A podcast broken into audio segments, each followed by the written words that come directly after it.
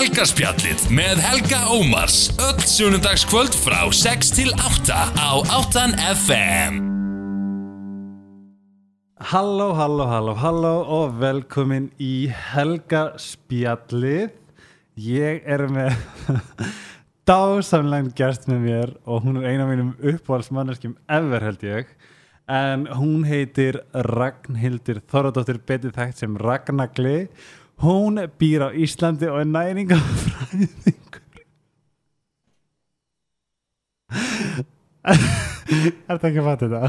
Nei Ok, ég er algjörlega stríkur Hún er salfræðingur fyrst og fremst enga þjálfari og almennt legend hún er rithöfundur bloggari þú ert svona pislahöfundur þú ert snappari þú, hva, þú ert allt Já, námskeiðshaldari þú núna ert námskeiðshaldari Fyrirlesari. fyrirlesari. Mm, en ég get útskýrt brandarann eða hérna það sem ég sagði fyrst. Síðasta vorum á kaffhúsi saman ég og þú. Já, ná Ertu að fatta þetta núna? Já, ég er að fatta þetta núna. Það er svo langur í mig fattarinn, Helgi. Ok, sorry, ég veit þetta er auðvitað glata að heyra fyrir lesendur en, nei, fyrir hlustendur en þetta var svona smá, smá Svona enga. Þetta, já, þetta var Já. svona pínu svona sko, það var pínu fyndi Mhm. hérna, við vorum að ræða að þegar maður fær fólki viðtal eða í samvinnu að maður þarf að gera svona background check Mhm. og það var aðeins sem gerði það ekki en hún er ekki næringafræðingur og hún býr ekki á Íslandi Nei. en þú býr í Köpen eins og Mhm. ég og við kynntumst í Köpen mm mm mann setið fyrsta deytin okkar Já, við fórum saman á kaffihús Við fórum á Jægersborgið Já, og já. að staðan hétt Lust. og ég man eftir, ég er náttúrulega að fylgjast með þér það lengi og ég held ég hef sagt það við þig strax bara, hæ, ég, er svo mikill fan. Mér varst það svo að fyndið það Því að þú veist ma maður skilur ekki svona starströkk einhvern veginn og maður er alltaf bara maður sjálfur sko. Og þú veist og ég var alveg pínu starströkk að hitta þig. Við vorum svolítið Já, fyndin en já, ég, já. ég man bara, ég, þú sendið mér held ég mail. Ertu, þú veist, viltu koma að fundi að Já, setja sniðið mér. vorum eitthvað að pæla í einhverju ljósmyndaverkefni heldur fyrir bókina mína já og ég bara, oh my god oh my god, og ég svona, og þetta er alltaf þannig þú veist að ég var cool á því en málega bara, veist, ég var alveg pínu fangirl og maður fattar alltaf þegar maður hittir já. hvernig, já, hvernig orkan er. Já, veist hvað við en eins og alltaf, það sáttu við held ég hvað, tvo tíma og kjöftum eins og bafjanar já og við getum setið náttúrulega bara og tala um þau gupum blóði sko. bókstallega þess vegna er ég svo ógeðslega gladur að sért hérna. Og ég er svo þakklátt fyrir að fá að koma. Já. Mér finnst það bara mikill heiður bara þetta var sko, þegar ég fekk hugmyndana og ég mun að segja þetta, þegar ég fekk hugmyndana um podcast og podcasti er alveg þú átt alveg þátt í þessu podcasti af því að ég vissi það að þú veist nummer eitt, ég fekk blessuna þína síðasta við hittumst og þú sagði mér að fucking gera þetta. Og það var bara svona, auðvitað ger ég þetta. Mhm. og þú varst alveg topp þremur. Takk. Og það var svo fyndið þegar við hittumst randomly neyri kring, workclass kringlu. Mm. já, bara, ertu hér? en ég, þannig sé ég vissi það en ég bara var engan að tengja við það. Og svo ertu hér, ég nýbyrjaði með þetta við erum að taka upp fyrsti þættin okkar og þú gast fucking komið. Ég, með, ég gef mér alltaf tíma fyrir því helgi das ist wunderbar. Já, it is so good. Já, uh, aber bitte schön Wurst, já, en yfir í þig. Mhm. mér langar fyrst ég, það er náttúrulega flestir sem vita hver Ragnarnagli er. Uh, en hérna, svona til þess að kynna ykkur þá hérna, þá uppgöta ég þig á Facebook þú varst að skrifa pisla á læksíðinu Mhm. ég held að Dæni sýstir hafa mér þess að vera sér að hún sagði mér heldur frá þér. Mm, eða mamma, mm, en hún sagði alltaf að þú, að því ég var alltaf eitthvað að ströggla eitthvað Mhm, í hérna mínu þú veist íþrótta, sálfræði Mhm. og allt þetta. Allt eða ekkert, til dæmis. Og- svo er tókstreitu sem margir er í. Nákvæmlega. Og þetta og þetta er bara svona, ég fekk bara svona þarna er hún, þetta er nákvæmlega píjan sem ég þarf að lesa. Og en manstu eftir bókarteitinu Já. það, ég mætti þanga líka. Já, beið- eins og bara, þú veist, fjandinn hafið það. Ég var eins og, ég var bara með bókinu mínu bara, Já. Já, ég, ég, ég, ég semst held hann að þetta um, það var nefnilega mikill heiður sko, þegar bókin mín var gefin út uh, 2015 Mhm. að þá uh, bauð sendiherran í Danmörku Mhm.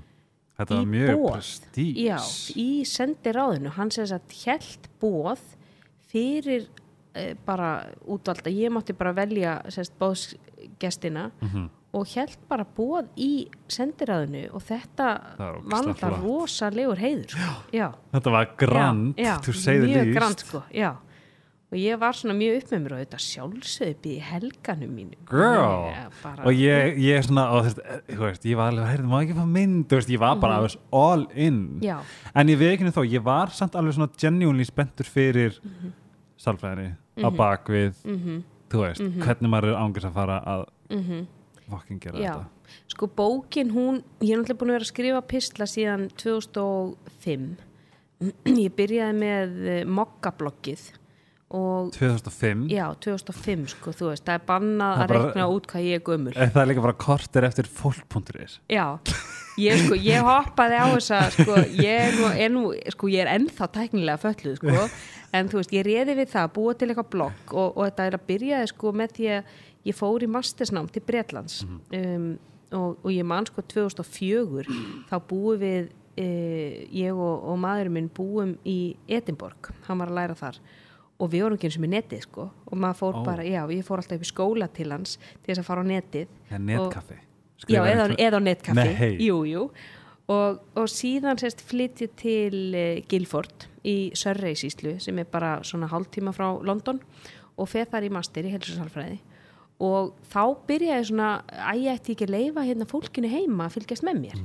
Og ég ætla að gera svona blogg og sem allir að tala um. Og fer hann inn á mokkabloggi og býr til eitthvað blogg og þú veist, og tókst það nú og, og, og síðan byrjaði að skrifa og, og þegar þú ert í mastersnámi og þú átt engan pening og það er ekkert að gerast og maðurinn er eitthvað upp í Skotlandi og þú fer í skólan og þú kemur heim og þú lærir og þú fer að sofa og þú horfir okkur þátt. Já, þannig að ég hafði rauninni ekki frá neinu að segja á þessu bloggi skilur, þetta átti að vera eitthvað voða spennandi líf Í hjá dag mér. fór ég- já, dag var ég hérna í Bretlandi og dagarnir voru náttúrulega bara hundleðilegir þannig ég hugsaði okkur, hvað hva get ég kannski fara að skrifa um eitthvað? Mhm.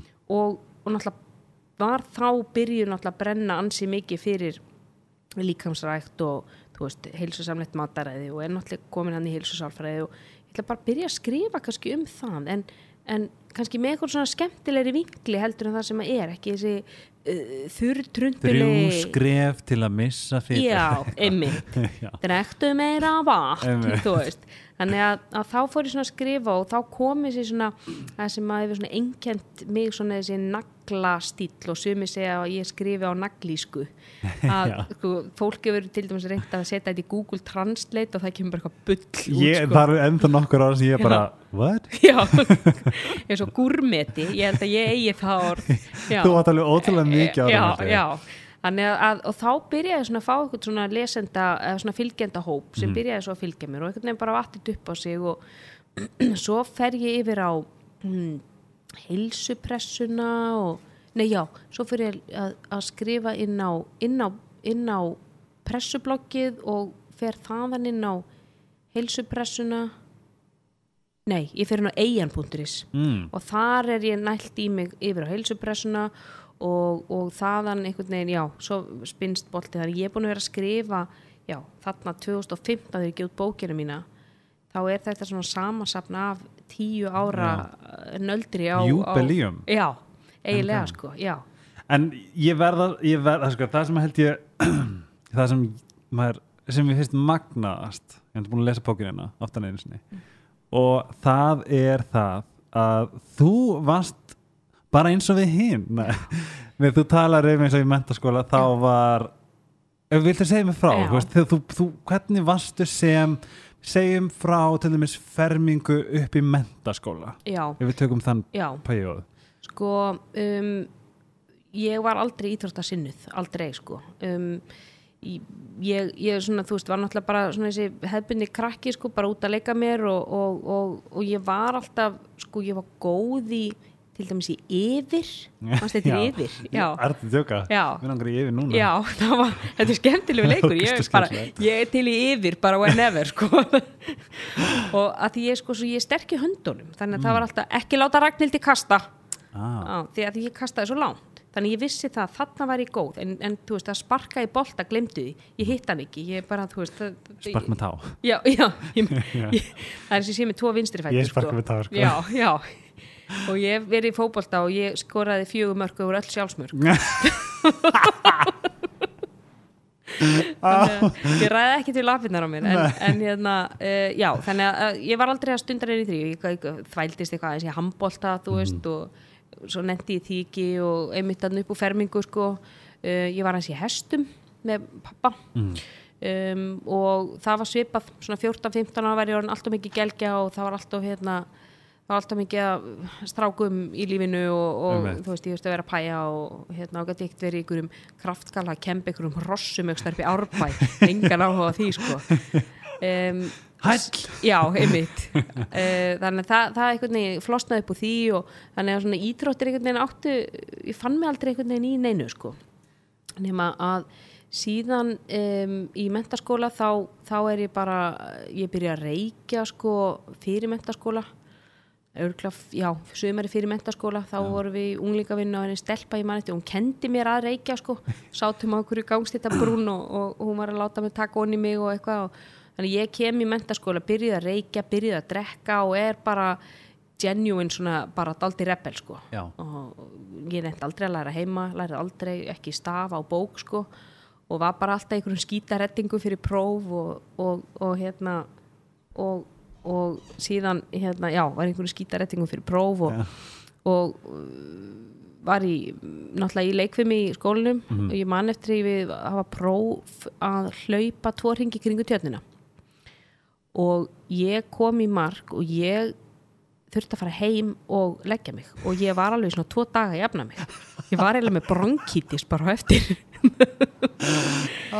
Já, því ég bara réð ekki ég réð ekki við að hlaupa sko en einu sinni en síðan förum við í um, útskriftaferð til Ibiza og þar kynntist ég strák og við erum rosa góði vinir og hann var að lifta og hann segi við mig, akkur prófar ekki að koma í ræktina og, og byrja að lifta og mér finnst þetta, já, mm, já ég hafði nú farið í rækt eitthvað svona tísa þrísar og, og þú veist, ég hafði átt kort og ma manna mamma kefti eitthvað fyrir mig kort og svo ringd hún alltaf í mig Ertu að fara í ræktina? Já, já, já, já, ég er á leiðinni sko Svo bara snýri ég mér á hína hliðinu og held að horfa að sofa, fór aldrei Ah. Já, fór aldrei sko að því að við erum að tala um Mm. mentaskólan Mhm. má ég þá sest, ég ætla að fá að lesa mér fannst það svo fyndi, ég var að lesa í flugninga þess að má ég, má, ég, Já, ég, ég lestu lesa upp á bókinu þar sem hún er að skrifa um, um þig sjálfa Mhm. sig og það stendur hérna ok, það að, má ekki hlæja matavenjur Ragnhildar á mentaskóla árum voru heldur hryggilegar. Skyndi ok, ég var að auðvitað. Skyndibitabrandin ok, veitu skyndibitabrandin malaði gull á hennar kostnað. Snjaka hvítar samlokur voru í hádeisnæði var, voru hádeisnæðingurinn og þorstanum að svala með dísætum svörtum drikkjum líka sættil fólust í að skokku þetta síkó og þeir túra voru þá fleiri en nokkur kæri sig um að muna. Þú veist þetta er svo það var svo, var svo skrítið að lesa þetta. Já. að ég bara, þú veist maður bara, svona, já, ok. Ég held að margir ímyndi sér um þetta ég hafi alltaf verið sko þessi, Bara- já, já, en, en já, þannig að sko minn, ég held að það sé líka sko svona ég, þess vegna hef ég skilning á alls konar matartengdum ákvörðunum hjá fólki Mhm. vegna þess að, þú veist, ég hef verið þar ég, ég- þú veist, er alveg það er svín inn í mér sko sem, að, sem að vill koma út á hverjum degi sko, já, þannig ég skil alveg þessa kreifings og allt þetta og veist, það að langa í hitt og þetta og þurfa að neyta sér um og, og Mhm. þú veist, þannig að þetta er ekkit eðlislegt fyrir mig, þú veist, Nei. Það sem að sko myndi, það sem er líka bara magna það er um þessi kontrast skilur Mhm. það að, að einmitt, þú veist, þú varst einmitt að reykja og drekka kók og þú veist, þetta Mhm. var einnig þau, það var svo sem ekkert íðurt og tengt eða þannig í, nei, sem að eitthvað svona var að fylla í lífinu nei. En það er líka bara, þú veist, maður tengi bara við það. Já. og þú veist, það segir mann líka bara, þú veist, það hver sem er þannig sem gert þetta. Mm en það sem er líka svona ákveð groundbreak er sálfræna bakveita Já, það sem mér hefur alltaf fundið sem ég hef alltaf verið þakklátt fyrir er að sko mín fyrstu skref inn á líkasættastöð þau voru ekki útlitsmiðuð Mhm. sem sagt, ég, ég kynnist þarna strák og við verðum rosa góði vinir og, og hann er að lifta og ég fer þarna inn og, og, og ég bara ég ákveða bara að prófa og finnst ég, ég finna þarna ég er, þú veist, náttúrulega í sko, skítaformi, ég meina þarna er ég einmitt nýbúin í þessu hlaupaprófi þú veist, og þetta er svona wake up call þú veist, þú getur ekki einu svona hlaupið sko. já, þannig að ég hugsa, já, ok, ég ætla að fara inn og, og það, sko, ég fer inn á þeim forsendum að ég ætla að, að bæta uh, heilsunum mína. Mhm, og, og svo byrja ég að, að fara í svona body pump tíma og það fannst mér skemmtilegt. Þannig að ég finn mig þarna í liftingum og ég er sterk og ég er svona, þetta er svo valdeflandi eh, einhvern veginn þessi fyrstu skref. Að þess vegna einhvern veginn helst ég í þessu og það var aldrei neitt, mér fannst ég vera aðeinsleg mhm, ég bara pældi ekki í því að ég, þú veist, ég meni, jú, ég eins og alla stelpur eitthvað, hæ, ég feiti þessu eitthvað, en ég meni, ég fór í ný þrönga kjóla með alla dellutnar út um allt og ég meni, ég var bara hot mama, sko, mhm. Já, bara girlfriend. En það sem er, svolítið, ég las það í bókinni þú varst að nál, þú, þú hvað ertu há? 1.64 1.64 og þú varst að nálgast Mm, já, þryggjast af að tölu. Já, ég var svona 90 Skrifaði. þegar ég var þingst, er ég svona 90 eitthvað stað þar, sko. Já.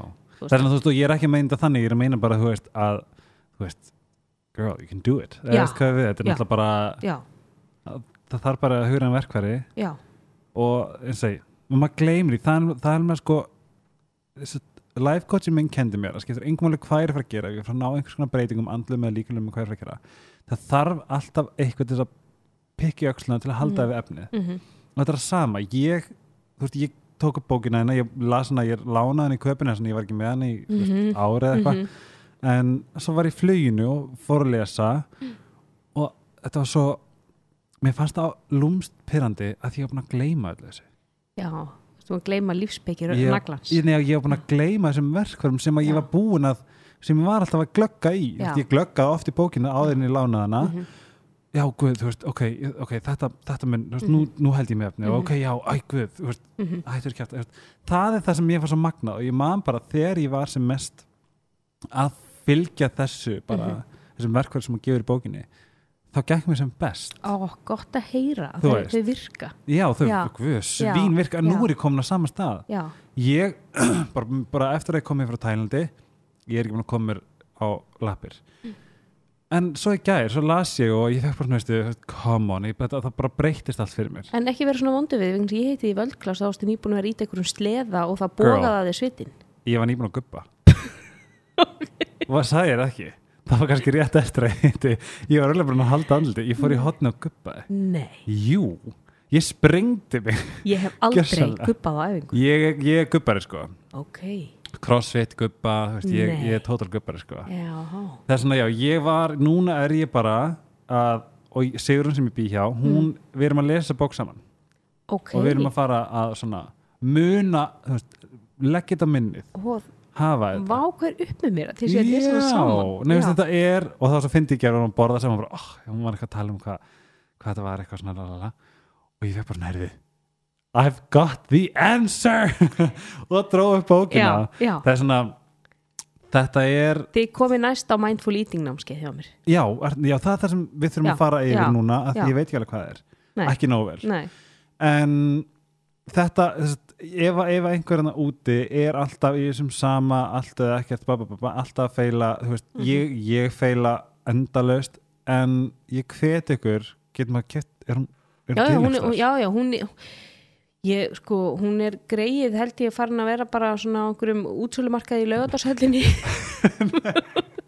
ok, er það, perfect þá kategóri en ég á einhver eintök og eitthvað en það er alltaf, alltaf það er svona ef að einhverjana úti vill hérna næla sér þessi bók þá kannski bara skrifa. Hún er inn á sögur útgáfa sögur útgáfa inn á, já það er þetta fann að það heima, heimasíðu já, Já, sögur Sögur útgáfa, útgáfa. þetta er allavega góð af því að þetta er, veist, ég er ekki að segja þú veist, jú, þetta er að, þú veist, fyrst mér geta vinkonum minn sé frábær skilu Mm.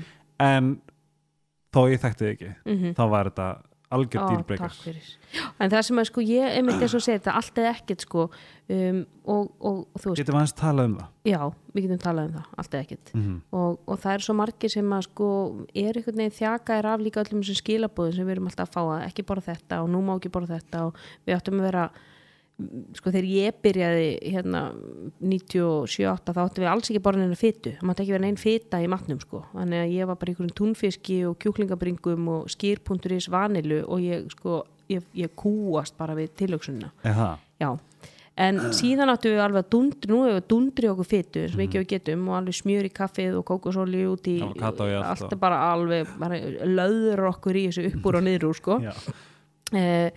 Og síðan fáum við skilabóðum að kókosóljan sé óholl Mhm. og það er kannski ekkit skríti ef við erum að dundra fimm matskeiðum af, af kókosóli í kaffi e, þú veist, yfir daginn, þá er alltaf auðvitað verður hún þetta er bara alltaf mikið að mettar í fyttu Mm. þannig að þú veist, það er líka þessu öfgar og, og síðan sko við erum alltaf að að halda okkur við eitthvað plan og við erum að halda okkur við að, að vera dugleg, þú veist, innan gæðsalappa og geislaböksáhrifin að fylgja einhverjum einhverju mataplan eða meirunagúri eða einhverju, einhverju sem við grófum einhver starf upp eða einhver let okkur fá Mhm.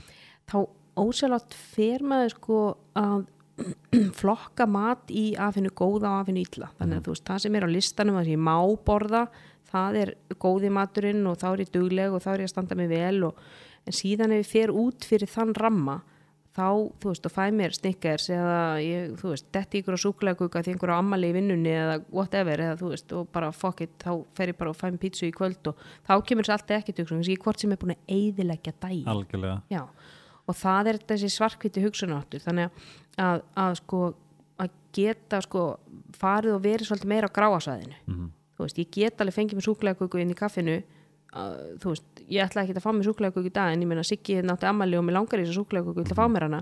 Svo ég get bara að fara heim og, og fengi mér þú veist, mín, mína kjúklingabringu og mína sætu kartöflu og mitt salat skilu, dagurinn er ekkit ónýtur. Nei. þú veist, það er ekkit ónýtt þú, þú ert að keira veist, til akkurir og springur á dekkininu og þú fara ekkit bara með hníf á restina og bara slæsar þau öll í sundur og, eða þú veist, missir eitt disk í gólfild ég segi það í bókinni og svo bara grítur þá öllu stellinu og eftir en það er náttúrulega allt ónýtt. Og það er svo gott að vera á gráasvæðinu. Þú veist, þú getur alveg farið út og fengið þér hambúrgara og fáðu þið þá salat með skilur, það er alveg að fá sér þú skrifar hérna sérst þess að sérstaklega með þetta, veist, hérna sem að ég, þetta er örugglega það sem ég tók mest með mér úr bókinni, mm. það voru þessar hriðverkahugsunir. Já, Það er einmitt þetta, ég er algjörlega, þú veist, djöfullin, ég er algjör, ég er prinsinn á því að vera einmitt bara, ó, þetta var umlega dagur, þú veist, Dominos. Mhm. Herru, hérna, þú veist, ég var að koma heim, eða, veist, mamma var í heimsók, Mhm. þú veist, þú, þú nefnir nokkuð dæmi sem að, all, okkar, mm. allir, þekkja. Mhm. Það er enginn að núti Nei. sem þekkja þetta ekki. Og þetta er ég, af því ég er náttúrulega reyndar er í típuri, Mm það er svona, ég er bara fættur allt eða ekkert -hmm. og það sem að bjargaði mig mest held ég var ekki það ég sem að vera stunda þetta fyrir en í kær Mhm. uh, hriðiverka hugsun og hriðiverka hugsun er hvað? Hriðverkusun eru svona óhjálplegar hugsanir sem að fá okkur til þess að taka ákvarðanir sem er ekki að styðja við okkar gildi og okkar markmið. Þannig að þetta er svona þessi litli, þetta er litli púkin, þetta er hér sé ég til röddin. dæmis ég verð að borða þessa köku annars verður ekki að skjáðin sár Já, en svo kemur mótrögg og þú skrifar ég mæti freystingum daglega í vinnu og félagslífinu ef ég borða í hvers skipti sem ég búðin mm. -hmm. óhullusta mun ég aldrei ná markmiðin mínum mm þetta er alveg rétt, já. við það- þessu bara. Já, og þetta er svona gott að svona minna sig á, ok, líka sko, og ég, ég fer mikið í það mínu starfi með, með mínu skjólstæðingum með til dæmis einmitt þetta að sko get ekki sagt nei við mat í einhverju félagslegum aðstæðum því þá verður viðkomandi sár. Mhm. og ég segi oft sko hefur þú lendið því að bjóða einhverjum köku og hann hefur sagt nei? Já, og hvað hugsaði þú þá? Já, bara ekkert, Já, ekkert bara- mál. Nei, ok, eðlaði þetta ekki daginn fyrir þér? Nei, ok, fórst ekki að gráta eða þú veist, þannig að við ofmetum yfirleitt tilfinningarlega viðbröð annara algjörlega. Þannig ef að, veist, og ég segi oft ef að viðkomandi er sko þarf að, að leggjast inn í rúm með snýtu klútabóksið yfir því að yfir óétin í kökusneið Já. þá eru hans vandamál í lífinu rosalega léttvæg. Nákvæmlega þetta er svona það sem við myndum kalla svona fyrstæðis vandamál. Að, að en síðan er alls konar strategíu sem við getum nota bara nei, veist að þakka fyrir ég bara sett núna en gæti ég kannski að fengið uppskriftina. Eða já, já. má ég kannski taka sneið með mér og borða hana setna eða skilur það alls konar svona strategíur sem getur ekki líka gert. Einmitt. Þann, sko, þetta er mjög máli og, og, og þannig séð þegar maður lést það bara svona auðvitað á ég bara einmitt, hlusta á hvað, Mm. hver eru raukina gegnum sig? Stattu með sjálfum þér. Nákvæmlega. Langar mér þessu köku, nei, mér langar ekki hana núna. Þetta er ekki að, að, að veist, styðja við mín markmið. Ég með ákveði markmið núna, núna langar mig að grenna mig núna langar mig að minka sigurinn eitthvað. Þannig að þessi kökusneið er ekki að fara að hjálpa mér neitt.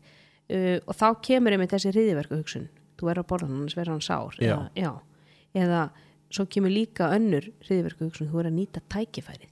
Nákvæmlega það er svolítið laugadags hugsunin sko að því að við borðum null nammi frá mándegi til föstags og borðum Og allt nammið á lögati og nýtum tækifæri, kemur þetta síðasta kvöldmáltíða syndrómið upp í Já. okkur og þú veist það, það er svona dæmi líka um meðan allt er ekki að tjók svona átt Ég er nefnilega, þú veist að segja maður, er maður, maður er bara gjörsanlega segur Nei, alveg, þetta, er En Já. þú, en segð mér, þú veist, hvað hvað hvað- hvað er svona hvað er þitt? Hvað er svona þinn helstu veikleiki? Hvað hvað Mm. Þarftu of mikið. helst- Of mikið? Já, ég sko, minn veikleiki er að ég get getið sko þangað til að augun bara standa á stilkum sko, veist, ég er með eitthvað, eitthvað, eitthvað svakalegt magapláss og ég, ég hef oft heitt, fengið að heyra það bara hvernig, hvar kemur þessu allir þessu fyrir Mhm. og það er svona það sem ég hef svolítið þurft að vinna með það er að læra að hætta að borða Og þaðan kemur inn mindful eating mindful eating, sko, jú. Þannig ég fór að stúdra þetta náttúrulega í tengslu um mína vinnu en ég nota rosalega mikið á sjálf mig, alls konar verkværi og svona og, og, og þú veist þetta að hætta að borða þú veist, og til dæmis að borða ekki af disknu hjá manninu mínum, þú veist, hann þó að hann klári ekki, þá þarf ég ekki að klára það, ég þú veist, það þannig. er það sko og, og kallar mig ruslatunni upp í vinnu. Já, þetta er einmitt og það er svona eins og ennsku að tala um don't let your waste be the waste. Þú veist, já Nákvæmlega.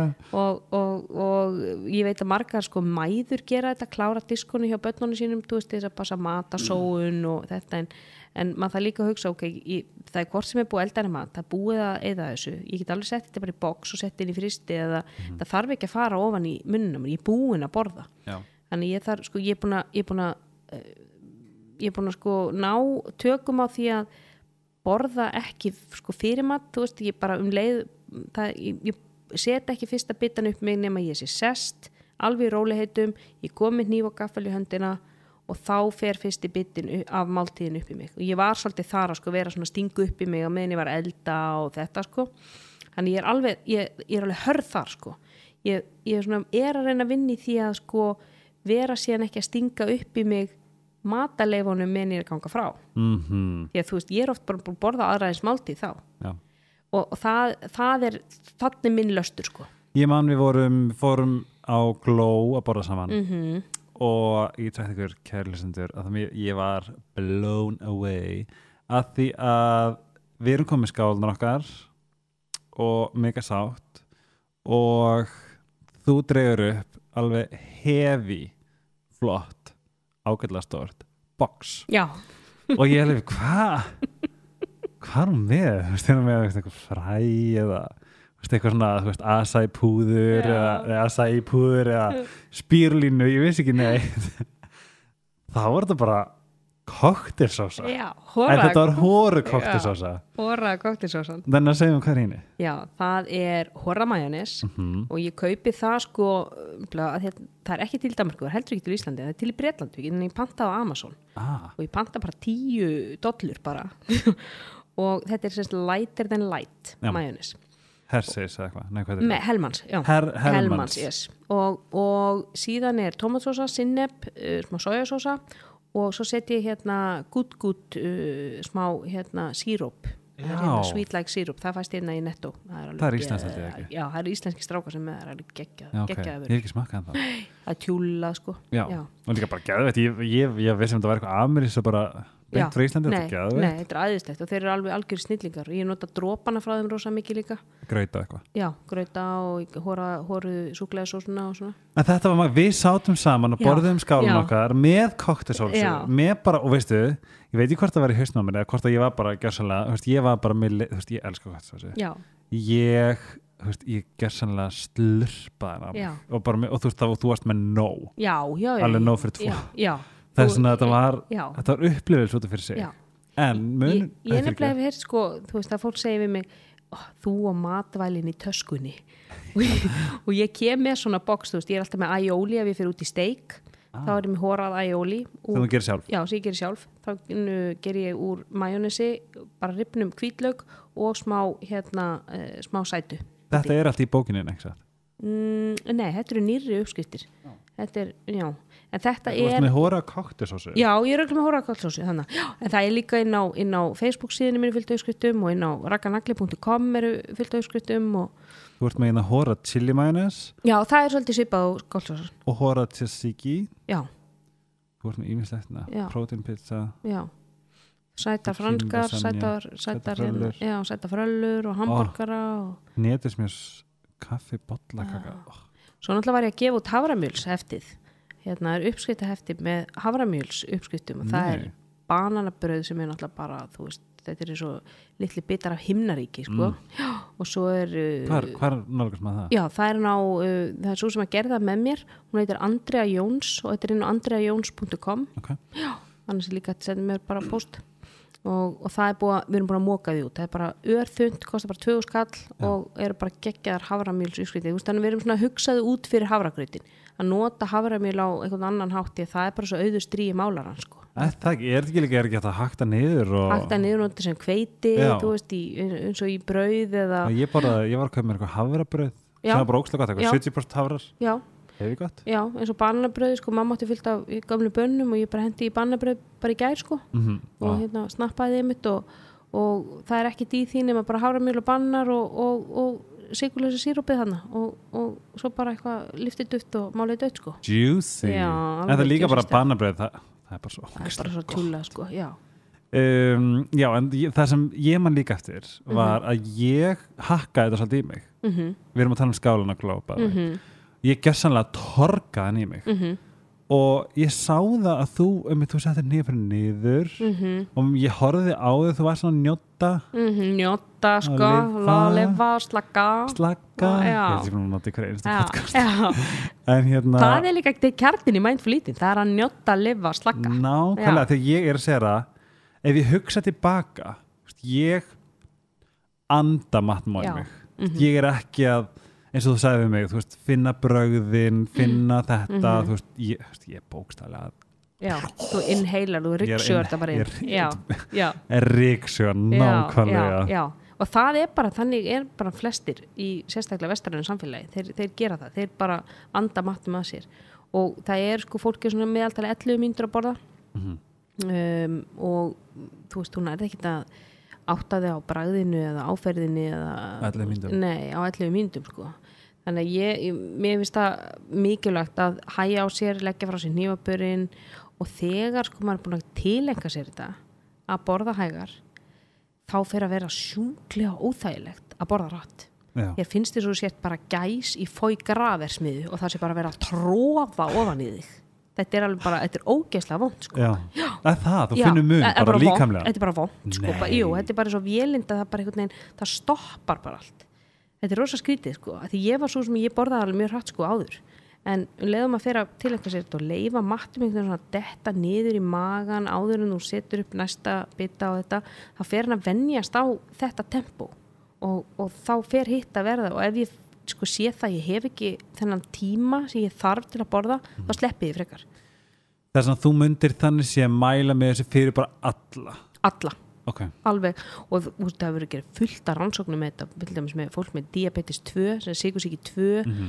uh, fólk með það sem heitir binge eating disorder, fólk sem er svona ég já, það, það er svona aðeins fólki aðeins þingri, þingri kantinu með Já, þú, já, en já. já, en þetta er svona fólk sem er sko sérst í, í miklu ofáti og, og, og þetta er, er bara sýnir bara gríðarlegan árangur að bara hæja þess á sér og verða Mhm. En þess svo pælum við líka í hvar veið að löngum tími að elda mat. Þetta er eitthvað ég klukkutími tek og- þetta alltaf fyrir í mínum. 11 myndur að torkonin sem Já. mat. Ég tek þetta alltaf fyrir í fyrirlesturum mínum og námskeiðunum það, sko, við elskum að borða. Það elskar allir að borða, öllum gaman að borða. Við erum 11 mínútur að borða en ef við pælum aðeins í því við byrjum að hugsa um hvað við ætlum að hafa í matinn. Svona cirka klugan fjögur. Og svo keirum við berjumst eins og ljón í setnipartstrafikkinni í gegnum, þú veist, breiðaldið og förum hérna í netto og tökum kerruna og snuttumst í einhverjum rassaköstum inn í, inn í göngunum. Já. og svo þau komum á kassan og setjum þetta allt upp og á bandið og í pókan og út í bíl og heim og, og taka allt upp úr pókanum og skera og steikja og græja og gera og sjóða og, og grilla og, og þú veist, leggja á borðið. Og við erum 11 mínútur að borða. Svo taka taka alltaf borðinu og setja það inn og inn í þetta vel og vaska upp og setja afgangan í box og þetta er svona fimm tíma ferli Gjörsamlega. og við erum 11 mínútur að gera sem okkur við skemmtilegast að gera. Girl, þetta er alveg bara svona, ég finnur svona mindblown Mm. Þetta er alveg svona smá þetta er klikka. Mhm. Ég ger endara ógæslega sem ég þetta ger Mhm. Nei, ég ætla ekki segja, það skiptir ekki máli. Nobody cares. En hérna, I care. Ég er reyna, sko, núna er ég náttúrulega fluttur ekki ekkur og, og er náttúrulega bara á ein fótum núna og á ekki foreldra hérna. Mm. þeir eru að segja sér því og sem ég er svolítið að það er svona að fara að læra að lifa spart og lifa þægilega og gáfulega. Mm -hmm. gera bara svo gegn kjúlgrétt sem er bara mjög, kostaði mig töða skall fyrir þú veist, fjóra dag ok, já, meal prep. Já, þetta var, þetta er, hann er mjög góð sko. Já, þannig að þú átti, átti afganga? Já, alveg, já, Já. já, bara út næstu þrjá dag Já. Mér finnst þetta nefnilega mikilvægt fólk nennir ekki alltaf elda frá grunni. Hver nennir að elda frá grunni um einasta degi? Það er nefnilega máli og sérstaklega nú þekkir þú þetta þú veist og fólk sem er í sambandi þekkir þetta. Mann langar helst að kýla magasinn þegar þeir spyrja. Hvað er í matinn í kvöld? Hvað var matinn? já, Veskari spís? ég spís? Það er já, Ég ég, hata þessa spurningu. Nei, ég er að segja það, ég er bara svona rude. Já, það var einhver sem sagði þetta er bara áreiti. hjónaband er 80% eru, eru sko 50-60 ár af því að spurja hvað hva ég hafa í matinn í kvöld Nákvæmlega þetta er bara, ég fæði okkur einasta degi sko. En nú verð ég að spyrja alls nátt Eitt sem að mér, ég held ég hafi aldrei spurt að þessu mm. Nú er þú mikill viskubrunnur já, hvað er fyrir? En hvaðan Þekst þú þína visku? Þú veist, hver, hver veitti þér sitt? Skilur, Mm. nú ert þú að hjálpa öðrum en hvað, þú veist, kemur þetta frá náminu þú veist, hver hefur verið að sko mamma Já. mamma, ég, ég, ég tek rosalega mikið eftir henni Mhm.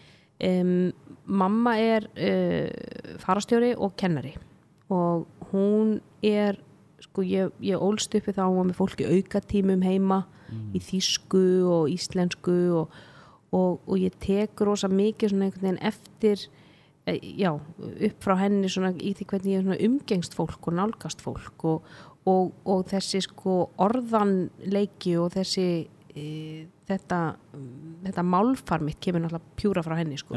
ja, og svo á ég sko, ég, ég fekk rosalega gott uppbildi og ég, ég á rosalega góða fóreldra og pappi minn, ég, ég og pappi minn við erum bara, við erum mjög samrind sko, og, og ég og mamma mín líka. Þannig að, að hérna og það er þetta mikla rós sem að þú veist, ég fengi alltaf opbáslega mikla kvartningu og stendur svo vel og þú ert svo dugleg og allt þetta. Og þetta er bara svona valdeflir mann og, og ég hef alltaf farið gegn lífið með það að ég get gert allt. Einmitt. og ég hef aldrei víla neitt fyrir mér og veist, ég var til dæmis send sjöra í sveit í Þískalandi jú, ég var skilin eftir hjá okkur fólki í Þískalandi sjöra en, en sko, og þau spurðu mig viltu, vera, viltu fara til þess fólks? Jú, jú, ég var alveg til í það. Og, og, og það kemur einhvern veginn svona snemma fram þú veist, að ég var alveg til í þetta, þetta var ekkert mál. Ég pælti, þú veist, ég var, var engin kvíði og ekki neitt sko. Og svo er ég bara skilin eftir og ég er allir tvær vikur og, og fyrstu vikuna segi ég ekki neitt og fólki heldur náttúrulega að ég sé bara okkur einhverfi rófi hana, þú veist, bara batni segir ekki neitt og þau tala enga ensku og ég tala enga þýsku og þetta er hann í sko, suður Þýskalandi, þetta er Svepis í Lenden, heitir þetta sko. Já. Og svo bara næst Flögstein líka? Ha, nei, nei, semst mamma er farastjóri og var í Þýskalandi. Já, já, já. Og hún þurfti eitthvað að geima krakkan. Jú, á meðan hún var eitthvað að, hérna, að, að, að, í rútuferð með einhverjum eldriborgurum í gegnum, gegnum Þýskaland og skoða einhverja kirkjur. Þannig að, að mér var hentandi í þessa sveit og, og svo sagt fyrstu vikuna segi ekki neitt og næstu vikuna þá er bara alltalandi á svepis bara brjálari mállísku þýskri mállísku. Og mamma kemur og sækir mig og hún sagði þetta var ótrúið, þetta var eins og byggur í bíómynd. Og bara kemur krakkin og ég er bara, já, já vilst þú kapa? Og þú veist og, og ég man alltaf ekkert eftir þessu. Mannst þetta eitthvað þýsku? já, já, jú, jú, jú ég, ég, ég er alveg allt talandi þýsku en ég þarf að vera þar í svona já, já. nokkra daga því að núna er danskan svo mikið að þvælast fyrir mér sko þegar ég reyna að tala þýsku en ég leiði búin að vera í 2-3 dag þá kemur hún sko Já. þetta er alltaf svo djúft áinni líka sko Hver myndi spila mömmuðina í? Fyrir ekki, hver myndi leika þetta var svolítið danst? Mm, Meryl Streep En það? mm, að ég mér langar að segja vegna svo hún er uppáhaldið mitt Já, en ég En hún getur leikið hún Já, hún getur leikið alla, hún getur sko. ekki pappa minn hún Já, ég sá hana í The Post þá náðum svona þessari er hún góð?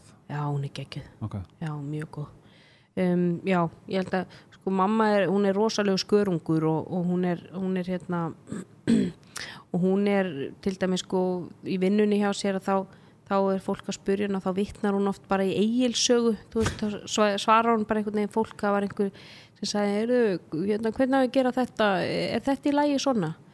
Hvenar drepur maður mann og hvenar drepur maður ekki mann og þá er þetta bara svarið. Jú, jú, jú, já, já, þetta er eitthvað svona, þú veist, alls konar já, það var eitthvað sem spurði hann og þá sagði hún já, sko, Bismarck sagði við ráðumst ekki inn í Rússland og það stendur. Þú veist, og fólk stendur bara eftir við eitt konar tala um. ég þarf alveg að Já, hana. og vinkonu mín að þær segja að ég skil eitt hvað mamma þinn segir. Þannig ég er svona ólst upp það var svona mikil íslenska og mikil svona, Já. þú veist já, ertu yngst? Já, við erum tvær sýstur ok, já, sýstir mín býr í London og hún vinnur hjá CNN ó, já, hún er, hún er sko, ef einhverju naglið ára hún. Girl. Já, I got nothing sko. Ó, Já, hún hérna var að vinna á BBC í 20 ár og var síðan sest, fór yfir til CNN núna og núna er hún eh, yfir um, öllum teimum hún er sest, á digital CNN og hún er yfir öllum teimum í heimi nema Ameríku þess að þú fær góð jólíkaf Já, ég ætla rétt að vona það það sko. veist síðast? Já, sko við erum nefnilega hægt að gefa hvort öðru jólagjafir. Nei, ekki það við- sískinin Nei, við, við tökum peningin og við setjum hann öll í, í góðgerðarsamtök. Ég, pappi og sýsti mín við ákvæðum þetta, vera hægt að að kaupa einhver sokkaplögg og, og eitthvað, eitthvað, þú veist, eitthvað dinglum dangl í, einhverjar hillur, þú veist og bara taka þetta og setja í gott málefni. Ég segi don't, nei, við gerum þetta líka þegar við giftum okkur Þá, já, við afþökkum alla gjafir og, og hérna litum styrkja spes samtökin sem er- eru uh, með hérna, heimili fyrir fóreldrarlega spönn í Tókó. Þannig að Ah. allt sem að sapnaðist inn að það var sérst, sett í byggingu á nýju uh, heimili fyrir, fyrir Ertu að meina þetta? Já, ég veist að ég hef engan áhuga á uh, kertastjökum. Ég hef einu sem keft með kertastjöka og that's it. Hvernig maður hafa einhverju svarti kertastekar í hann að nota beni hann að nýri nýri hérna nei hvað heitir hún, ég veit ekki hvað þetta heitir hann að nýri köpen ah, er þetta þarna, ó, oh, Notre Dame, nei. Nei. Er þetta ekki í Merko eða eitthvað? nei, nei, þetta er veit, þetta er bara eitthvað cheap sko. Á, já, hún er svona þannig. Þannig að ég, ég hef engan áhuga á svona hluti. Ef ég á disk sem er bara í heillægi Mhm. og ég á hníf og gaffal, það er mjög sátt sko. Já, þannig að heimili mitt er það, það kemur aldrei í innlit út Ég finna líka sko mm, ég veit ekki hvað það er ef að ég, ég hef alltaf sagt það ef að ég er að fara að gifta mig þá er ekki að bara til ég að staðfesta það og bara, þú veist, má ég fá sopa? Mm -hmm. hún kom þetta með Mér finnst topp ó- með já, epli já, ég er alveg orðin húgt á þessu eplatoppur það minnum mér svo eplasvala minnst þess að ég sé allt í einu Vá, bara já, átt ára í kvassaleitskóla mm, mm, já, that's good. Já. en hérna, hvað var ég að segja? Uh, þeir eru giftið og viltu staðfesta það bara? Ég bara, þú æskilja, bara ná, Já. þú veist, ekkert eitthvað prjál og vesen. Nei, ég kannski, þú veist þetta er kannski líka, þetta er kannski að ég er með Dana þú veist, það Já. að blanda tveim kultúrum saman sem eru alveg ágætlega Mm, ólíkir. mm. eins mikið að vil ekki fólk vil ekki trúa, þá eru íslenski kultúrin og danski mjög veist, ég ætla bara að segja þér Helgi ég verð alveg súr og svegt og móðguð ef þú heldur ekki veislu. Já, það, já, ok. Ég vil koma í þín ég, þú, þið, þú ert algjörlega já, Þú verður helst veistlistjóri ég koma í, er, en veistu þú ekki Palli, var hann ekki eitthvað með einhverjar meiningar Hann myndi, hann myndi briljera ég og Palli saman. Það væri er svo mikið legend group. já, Ég er að vera fyrsta, ég er að vera veistlistjóri í fyrsta skipti núna í júli nei, í Jú, brúköpi spenntu fyrir Vá, En sko, það er, eru uh, Ingi Leif og Marja sem er að gifta sig. Mm. og ég satt pitchaði þeim lesubrandarna mína. Ok, Þeir voru vist of mikið. Og grófir. Það er svona I'm back to square one. Ok, Það er svona ég er alveg bara svona allt mitt plan Þau gott og klukkan ok. Allt neðan beltisbrandarar Já, og bara hérna, Já. þetta var ekki Já, en mér finnst það maður þarf líka svolítið, sko, hvað er krátið þú veist, það er náttúrulega am og afi og eitthvað Jú. með, maður, En mér fannst ég ógustlega fyndin. Og ég náttúrulega er með, veist, fyrirfram ef ég segi einhverja ó- óviðeigandi brandara, þá er þetta allt með góðum vilja ég gert. veit að það veit Skilurðu? hjartalæðið þitt Besti er mér er tælendingur, önnur besti einhverjum er hálf tælensk, Mhm. vinkonum mér Brynjar frá Sri-Lanka, Bangladesh, sorry Brynja, Mhm. uh, þú veist, og ég nýti það á, til Mhm. fulls Mhm. að gera grína þeim mhm, það er sama ef það gera grína mér varandi, þú veist, kyninni mín af því að þau er að segja við mig it's all love, skilur mhm ég get potið komið brandar af þig og þú veist, það er móðgast. Það móðgast enginn þetta móð, fólk bara utan að koma til fólk þau móðgast, mig? Fyrir, fyrir hönd fyrir hönd annars. Það er þessi pólitíski réttrúnaður sem að er hérna oft uh, Já. ríkjandi á netinu sem að Heldur betur. líklabórs rittarar ég veist að ég finn það bara sérstaklega núna þegar ég er með, þú veist, ég er með ég er með blokku, eitthvað svona ég er bara svona, maður er er svona paranoid. Paranoid, þú veist, það má ekkert segja nei, ég veit það þú veist, ég sagði eitthvað einhver skóru og klikkaðir og það bara þú veist, það var það ógst Já. mikið móðguna því það er jú klikkað fólk hérna úti sem mm Mhm. kannski finnst og ég, ég, ég, þarna fekk bara svona, no, no, no, no, let's not Já. þú veist, go there já, já, elska mig, ég fengi svona á, á Facebookinu mínu eitthvað eitthva orðanótkun sem ég já, já, sem fólk veist, hefur þetta er bara, þú veist það er, þú veist, það er annað ef við værum að gera grín af Já. tækni Já. föllu fólki já, sem er bara legit með Já. eitthvað sva, skilju en að segja ég sé tæknifallar, það er bara, það er bara ég er ekki að grína Nei, neina föllun nei ég er við? að grína sjálfum mér og ég er að nota orði föllun í þeim, þú veist, Já. þeim skilningi. Ég, mér finnst þetta mér finnst alveg verðt að tala um þetta að því að ég myndi aldrei og við og þú myndum aldrei, vísvitandi gera brandara um föllun nei, ég myndi aldrei gera vísinn brandar um neitt minnuluta hóp aldrei, Aldrei. um neitt skilju og sérstaklega ekki sem kemur Nei. frá slæmum stað eða einhverju svona frekar svona púkó stað púka stað veist, það, það er, veist, við vitum nákvæmlega hvern, how we roll, hvað Mhm, það var þar mhm. það er svona, þú veist people gotta chill Já, það þarf svolítið sko að, að taka much. svona smá mindful breathing áður en maður hamra nýr á liklaborði sko. já, Ég sem betur fer hef ekki lent í sko skítkasti á korki á snappi, netinu, þú veist, ég meina jú, það er alltaf komið einhver ein og ein, einhver svona aðtöðs en ekkert sem hefur setið einhvern veginn eftir. Þú veist, ég fæ rosalega jákvæð viðbröð og, og, Mhm. og, og, samfélagi mitt inn á Facebook, fólki sem fylgir mér er bara þetta er bara svo genuine fólk og þetta er bara, þú veist, ég hef aldrei auglýst mig þið eða gerir líka vænt um þau. Já, mér þykir ókjæslega vænt um Er það alla ekki? fylgjendum mín og eins að án þeirra, þá væri ég náttúrulega ekkert að skrifa neitt. Ég meina ef enginn nefnt að lesa það sem ég er að skrifa ég fengi aldrei neitt feedback já, að þá myndi maður náttúrulega bara hætta þessu og þetta bara sjálf hætt sko.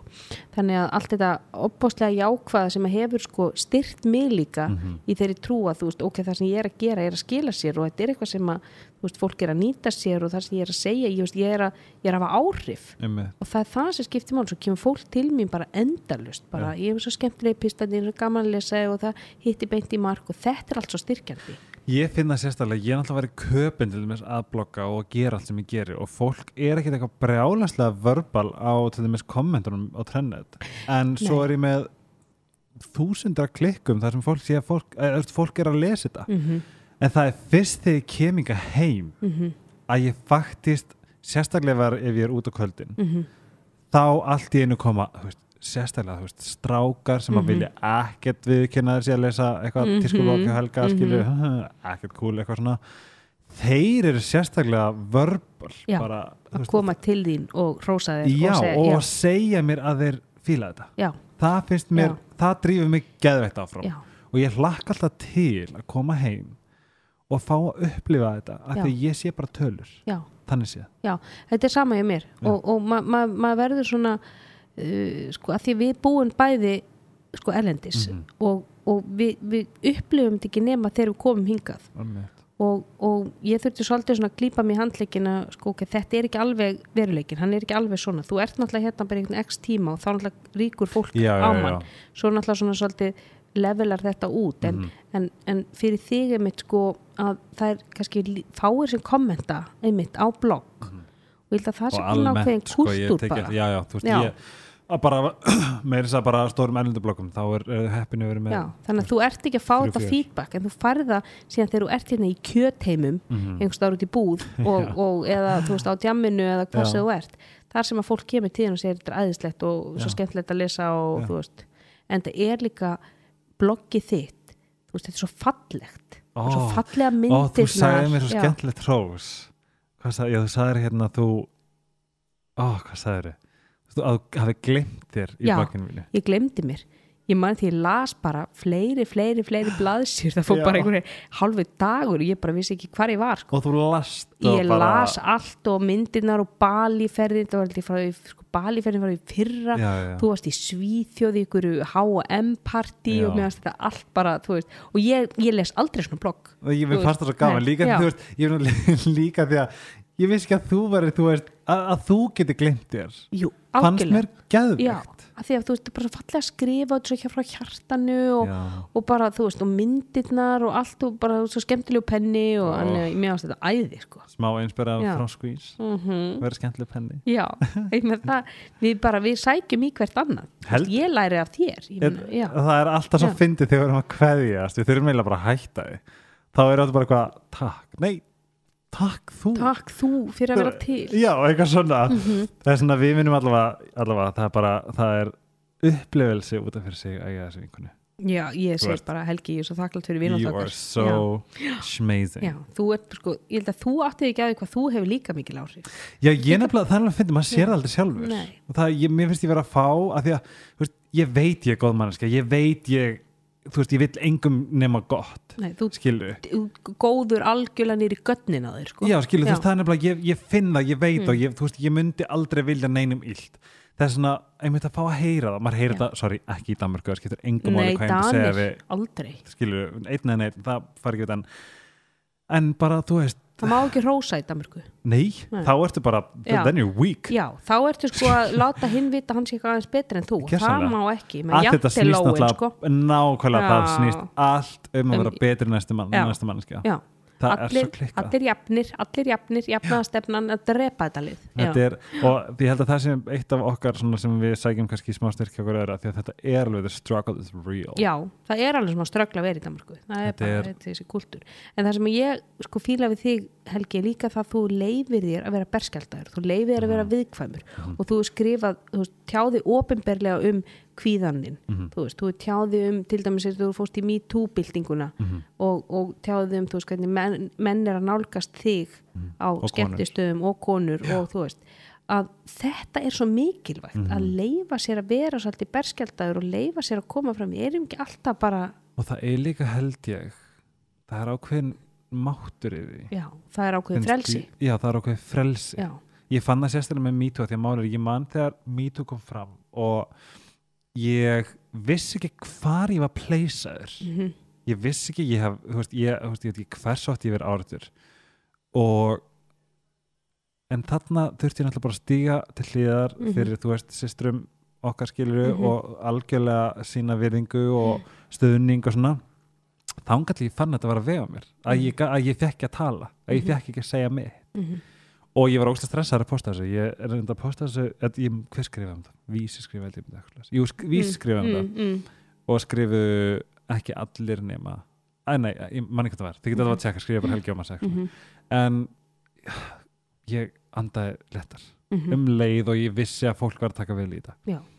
Þetta, þetta er, ég er að segja þetta, er- þetta, er bara ákveðin mátt að því að líka einmitt sko, ég meina hvernig sem margir líka samkynniði kallmenn sem eru nákvæmlega sömu stöð og þú? Og og þú er ekki, er ekki að koma fram með þetta og einmitt að veit ekki, má ég tala um me too, eða, þú veist, ég er kallmaður Já, þú veist, ég er ekki kallmanni já, og þú veist, að því að kultúrin er mjög he- hellaður það kemur að kynlífi, þetta er náttúrulega mjög já, þú veist, allavega það sem ég hef svona, ég hef kannski ekki upplega beint en kynlíf sem slíkt er, er kannski öðruvísi þýðingan fyrir marga aðra sem að eru ekki innan, innan þetta er náttúrulega ákveðið svona valda ójafvægi sem me too svona hverfist um, Mhm. það er þetta valda ójafvægi því að þannig er sterkari aðili sem er kallmaðurinn í þessu sambandi sem Mhm. er að nýðast á konunni, hvort sem hann er að gera það líkamlega, hann er líka að gera það bara í, í, í sko valdi stöðu sinnar já, og, og í sko everyday life já, það sem við höldum að sé 100% aðeins, Já. það getur svo litli hlutir Já. sem að sem pínu litlu Hamra hluti manni. sko, já, já þess að þetta, þetta, var, þetta var og takk fyrir hrósið ég, ég hérna ég, ég er get ekki hugsað mér að lifa öðruvísi held ég Nei, Nei, og það er mikilvægt fyrir fólk að, þú veist, hvort sem það er einmitt þetta me too eða, Mhm. eða þú veist, þú er líka að tala um það ég, þú veist, þú sett með kvíða Mhm. þú veist, þú ert með frestunar áratu og, og bara koma fram og segja það. Og mann eftir að var ekkert mann einhver póstu frá þessu og það er bara ef ég er ekki búin að svara skilabóðum frá okkur það er bara vegna þess að ég er núna að berjast í frestunar áratuna mína og já, já, í smá já, og það er bara, þú veist, þetta er svo mikið reynskilni mm já, og þetta er ákveð, þú veist, þetta gefur mér svona þú veist, þetta léttir á.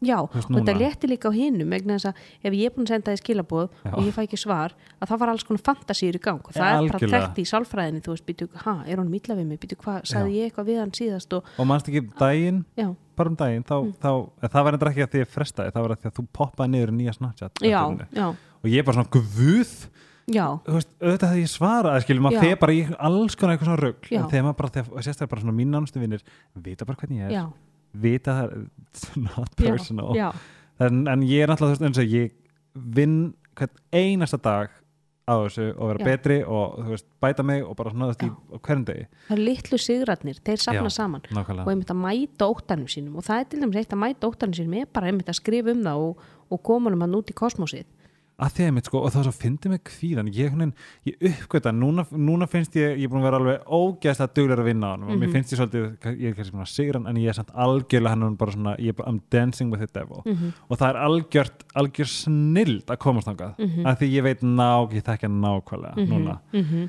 en þú veist nákvæmlega hvenar hann poppar já, upp. og af hverju Já. hver, mótrökin. Já, mótryggi, en það er mitt þegar við erum illa sofin, við erum, þú veist, í einhverju Hvað sem ég, er. Meni, ég er sjálf með kvíða, Já. veist ég ma- og ég veit það alveg mitt, hann verður alveg, alveg dýr vittljós einmitt, þegar ég er illa sofin, þegar ég er Mhm. stressuð þegar að, mikið að gera Einmitt. að þá kemur allt einhvern veginn, fer allt í flækju Mhm.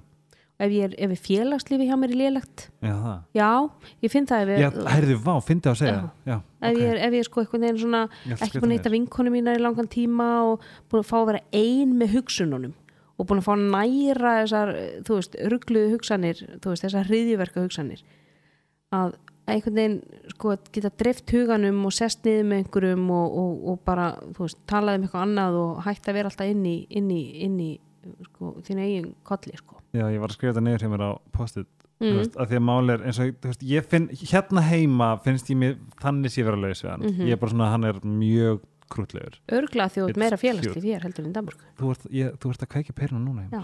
ég á ég er ekki með þrý, svona thriving félagslíf í kaupin ég bara, það er ekki það er bara, já, þannig, þannig bara er það Mm. ekki Mm.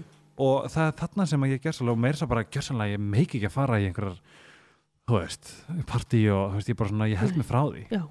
og það er að því að ég er ekki með vini mínum sem ég þekki þetta það, sem líður vel sjálfur með þetta er ekki viniðinni sem líður vel í návist Nei. þannig að þú veist, uh, Ragnhildur Já. mín yes ein Helgi. spurning mm -hmm. að því að þetta er svona, mér finnst það að vera krúsjál spurning Mm að því að núna ertu komin á ógæslega góðan stað -hmm. um, þú hefur átt svona he, svona aha moment mm. Ertu með eitthvað í haustum aður sem, að- sem dettur í haug sem að þú hugsa ah, ok, I get it varandi æfingar, varandi mataræði varandi eitthvað þetta er eitthvað sem mér finnst mjög mikilvægt að spurja Mm. sérstaklega þegar á svona podcasti til þess að það kannski leifa leifa fólki að Já. hérna- það er eiginlega svona mm, má eiginlega segja sko þetta svona svona breyting á hugafari sem að varð eiginlega ég skiptum þjálfara. Ah, Já, um, ég hef búin að vera hjá þjálfara ansi lengi, uh, einhver sjö ár eitthvað og það var alltaf rosa útlitsmiðað. Ég ætla alltaf að vera að senda um Mm. einhverja myndir og, og ég sko undir að síðasta, svona undir svona síðustu tvö ára, það nefndi ég þess ekki, ég nefndi ekki að senda einhverja mælingar og myndir en mér langar bara að æfa. Mm og, og svo bara hætti ég hjá honum og, og fór sérst að æfa hjá Bygga, þjálfaran mínum. Byggi, ég er ekki annað búin að hitta bygga ah, Byggi, hann er, þetta er skandal hann er ég dýrka þá ég hef ekki Já. svona hitt hann Þetta er dásamlegt eintak. Já. Það er engin eins og byggi, það er bara alveg, byggi til. Sko. Já. Og hvernig svona, þegar ég fór að æfa hjá honum, þessi sko, því alltaf langa sko, þú veist, alltaf langa að vera sterkari og, og þú veist, allt þetta, en það var alltaf þessi einhvern veginn smá útlýsmiðaði punktur undir því að fara á æfingu. Já, og það náttúrulega kemur líka, þú veist, ég fór að keppi fitness og varst að kemja fitness? Já, 2007-2008 Nei. þú veist, með, með örgulega lélegast að, í Íslandssögunni. En þú veist, ég prófaði það Já. og það var bara gott, bara góður reynslubanki og veist, góður lærdómur. En það var svona þetta aha moment, ok maður æfi náttúrulega til þess að virða líkama sinn já, ekki til þess að verða einhvers virði. Nei. Ah, já, þetta er eins og enn og æfir til þess að virða líkamaðinn en ekki til þess að verða einhvers virði. Girl, I got Mm. them goosebumps. Yes. ég finn það varandi æfingu núna að þú getur ekki, þú átt ekki að æfa eða fyrst ekki skemmtilegt. Þú verður að finna eitthvað sem er skemmtilegt. Það er það sem ég er svolítið að vinna með núna. Ég var í einhver svona einmitt, þú veist ég var búin að, fyrir Tæland ég var búin að stegavilni mm mm. -hmm. 1-2 tíma dag til þess að vera super hot fannst þér að skemmtilegt Í- ok sko ég reyn- ég reyndar. Þú það sem bjargaði já. mér var podcast. Já, og Netflix. Og Netflix. En ég mæli með að hlusta á podcast. Podcastum mitt. Já, já hérna, að sjálfsögðu. Nei hérna mér fannst, en ég var að gera þetta til þess að líta vel út í Tælandi. Já, það var markmið, það Já. var markmið. Það var alltaf undirliggjandi allan tíman og það verður svona ég þarf að gera þetta. Gessalega, Já. þú veist bara alltaf, Já. veist, ég var bara tilbúin og hver- hvernig, hvernig kemst ég já, klukktíma, já, Netflix, podcast ég er með allt, ég með allt entertainment sem ég þarf. Gjörsanlega og ef maður þarf að vera með entertainment þá er maður ekki alveg á réttum stað þú veist, Nei. ég, ég þarf að vera með entertainment þegar ég er að hengja upp úr þvottavilni, Mhm. til mér finnst það leðilegt og þá fæ ég með- velun og ég fæ það líka að vera með entertainment þegar ég til dæmis að elda mat. Mhm. þá er með eitthvað þátt í gangi I know, veist, þetta er- iPad. Já, alveg, þú veist, minnst alveg gaman að elda mat en minnst það samt ekkit svona þetta er ekki ástríða nei, þetta er er svona- nei, ekki svona dag eftir dag eftir dag, Mhm. veist. En þannig ef maður þarf eitthvað entertainment þegar maður er að æfa veist, allt til að ég, minn, ég fyrir þrekstegan kannski eftir erfið æfingu og ég, minn, ég hendi á okkur um smá þætti og Já, skilur, en, en meðan ég er að æfa þá er ég að æfa, mhm. þú veist, það er bara með tónlist og, og eða, þú veist, einmitt podcast Já. og, og ég er bara podcast? þar og ég, ég, ég hlusta rosa mikið á Joe Rogan ég hlusta mikið á Tim Ferriss Mhm. um, ég, Helgarspjallið já, ég, mikið á Rúf. Já, ég fer alveg inn í Sarpi ég er búin að hlusta á Tinna þættinu og Gísla var Nei, ég var með sko, þetta heitir Helgarspjallið Já, Helga spjallið, of course. Ég er sko að fara að hlusta á það núna í, í rættinni. Er? Jú, Er jú, eh, þú getur rétt ímyndaðir Helgi. Eitt klukktíma stegavilni, það er tilvalið. Já. Nei, það er alveg rétt hér Ég Mm. hérna Þannig að þegar, þegar þið hættir að vera eitthvað útlýsmiða og fyrir að vera Mhm. framistuð því að núna finn ég ég er bara, ég er bara ekki formi og mér finnst það ömulegt Já, veist, en, ég, en þarft að vera í formi til að vera einhversu virði? Nei, veist, ég, nei, meir bara þú veist, ég er veist, ég er ég er, þú veist dude, ég er bara, þú veist, ég er bara veist hvað ég, En það þarf einmitt að fara í er einmitt á þeim þoli. forsendum að því að einmitt, já, nú er byggjum þólum já, nú langum að byggja upp þóli mitt, Mhm. nú langum að byggja upp styrki minn og, og þú veist, og, og, og, og koma líkamannu mínum á þann stað sem að, Mhm. þú veist, mér langar hans ég tókum mitt ákveðin gær, nei, morgun gumgóður, ég ætla að fara aftur í crossfit-deildina, Oh, af því ég var alltaf búin að vera, ég var alltaf búin að vera þarna bara fyrir Thailand, ég mitt stiga vel lifta, lifta, Já. lifta, lifta stiga vel, en ég vissi bara og ég, þú veist, ég ætla að fara aftur ég ætla að fara nýr í world-class kringlu þau eru með geð, geðuga aðstöðu og ég ætla bara fara að gera þetta Völdglas kringlunni, þetta er falin gimsteinn Ég í borg óttans. Er þetta grínast með hennar sal? Ég veit það, ég vil, vil eiginlega ekki segja þetta vegna ég vil ekki að fleiri vita af þessu, ég vil hafa þetta ein. Haldið ykkur lögum krakkar. Því að sko la la la la la la stíkja en þetta er bara aðstæðan þetta er Þetta er og bara öll lóð, allar bjöllur sko það eru, ég sá um þetta í morgun það voru, það voru handlóð sem eru held í 65 kíló hvort. Það eru bjöllur sem eru sko held ég upp í 95 kíló Já, er bara, þú ert að taka þetta ekki? Jú, jú, jú, ég tók, tók, tók hérna sigur megin í smá hallandi backpressu með 65 kílóin. Bara mig sjálfa hérna Jú, jú, já, já, Já, þetta er þess að núna bara í alvegni, bara gera það sem henni finnst sem drífið það áfram god damn it. Já. en við erum að hérna, þetta tíma, eða þú veist við erum að, hérna, þurfum að wrap it up. Já, við getum verið hérna með sko, það er nefnilega já. málið. Við getum verið hérna Akkur ekki í helga þrjá- marathon Ég skal koma í Heyrðu, það. gerum það, Já. 24 tíma. Já, 24 tíma podcast. 24 tíma podcast og ágröðun rennur til Togo Já, við ætlum heyrðu, að gera þetta. heyrðu, Þetta er bara, þetta er komið. Þú, Þetta er bara heyrðu, málið dött þetta er geðveikt. Já. ok, en í lokin mm hefur eitthvað að segja hvað hefur að segja við hlustendur helgarspjálsins Ok, ég veið að segja að það er aldrei hægt að gera neinn mistök hvorki í mataræði eða æfingu. Við getum bara, það er bara lærdómur. Þannig að glemdu því að glemdu mistökunum mundu lærdómin. Þannig ef að við tökum ykkur ákvörðun sem er ekki okkur í hag þá er miklu betra að skoða ok, byrju, akkur tók ég þessu ákvörðun og hvernig get ég breytt betur næst. Hvernig, hvað get ég gert, það opnar opnar okkur fyrir lærdónum en þegar við erum að berja okkur niður oh, af hverju gerði ég þetta og af hverju var ég svona? Það, það lokar á lærdómin það byrgjur okkur sín í því að sjá ok hva, hvernig, hvernig get ég breytt betur næst?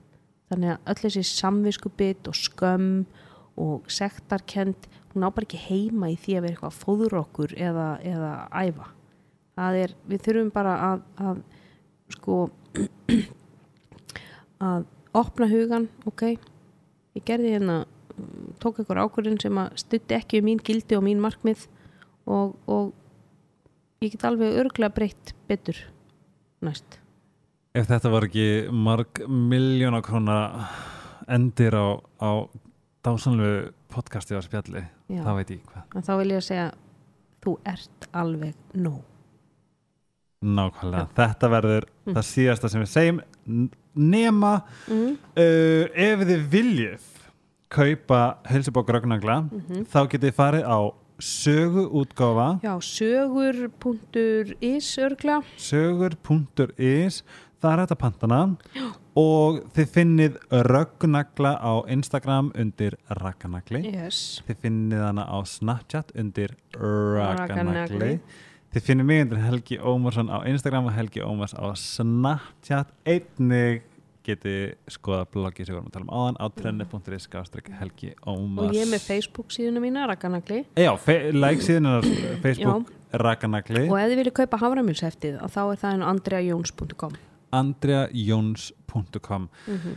Elsku veist Raka, takk fyrir mig. Þú ert eins nærandi eins og oh, eins og bara góður grænkálsjék ég ætla að segja gulrót en er svona ekki, já, grænkáls með öllu asæ púðrinu og spírulína, you name já, it. sömu leiðis, elsku kallið minn. Takk fyrir að fá mig, takk miklu frekar. Oh, mikill heiður. takk fyrir mig og uh, næsti þáttur kemur að sjálfsögðu á næsta sunnudag að vikuliðni þanga til takk fyrir mig og heyrumst næst. Helgarspjallið á 8 FM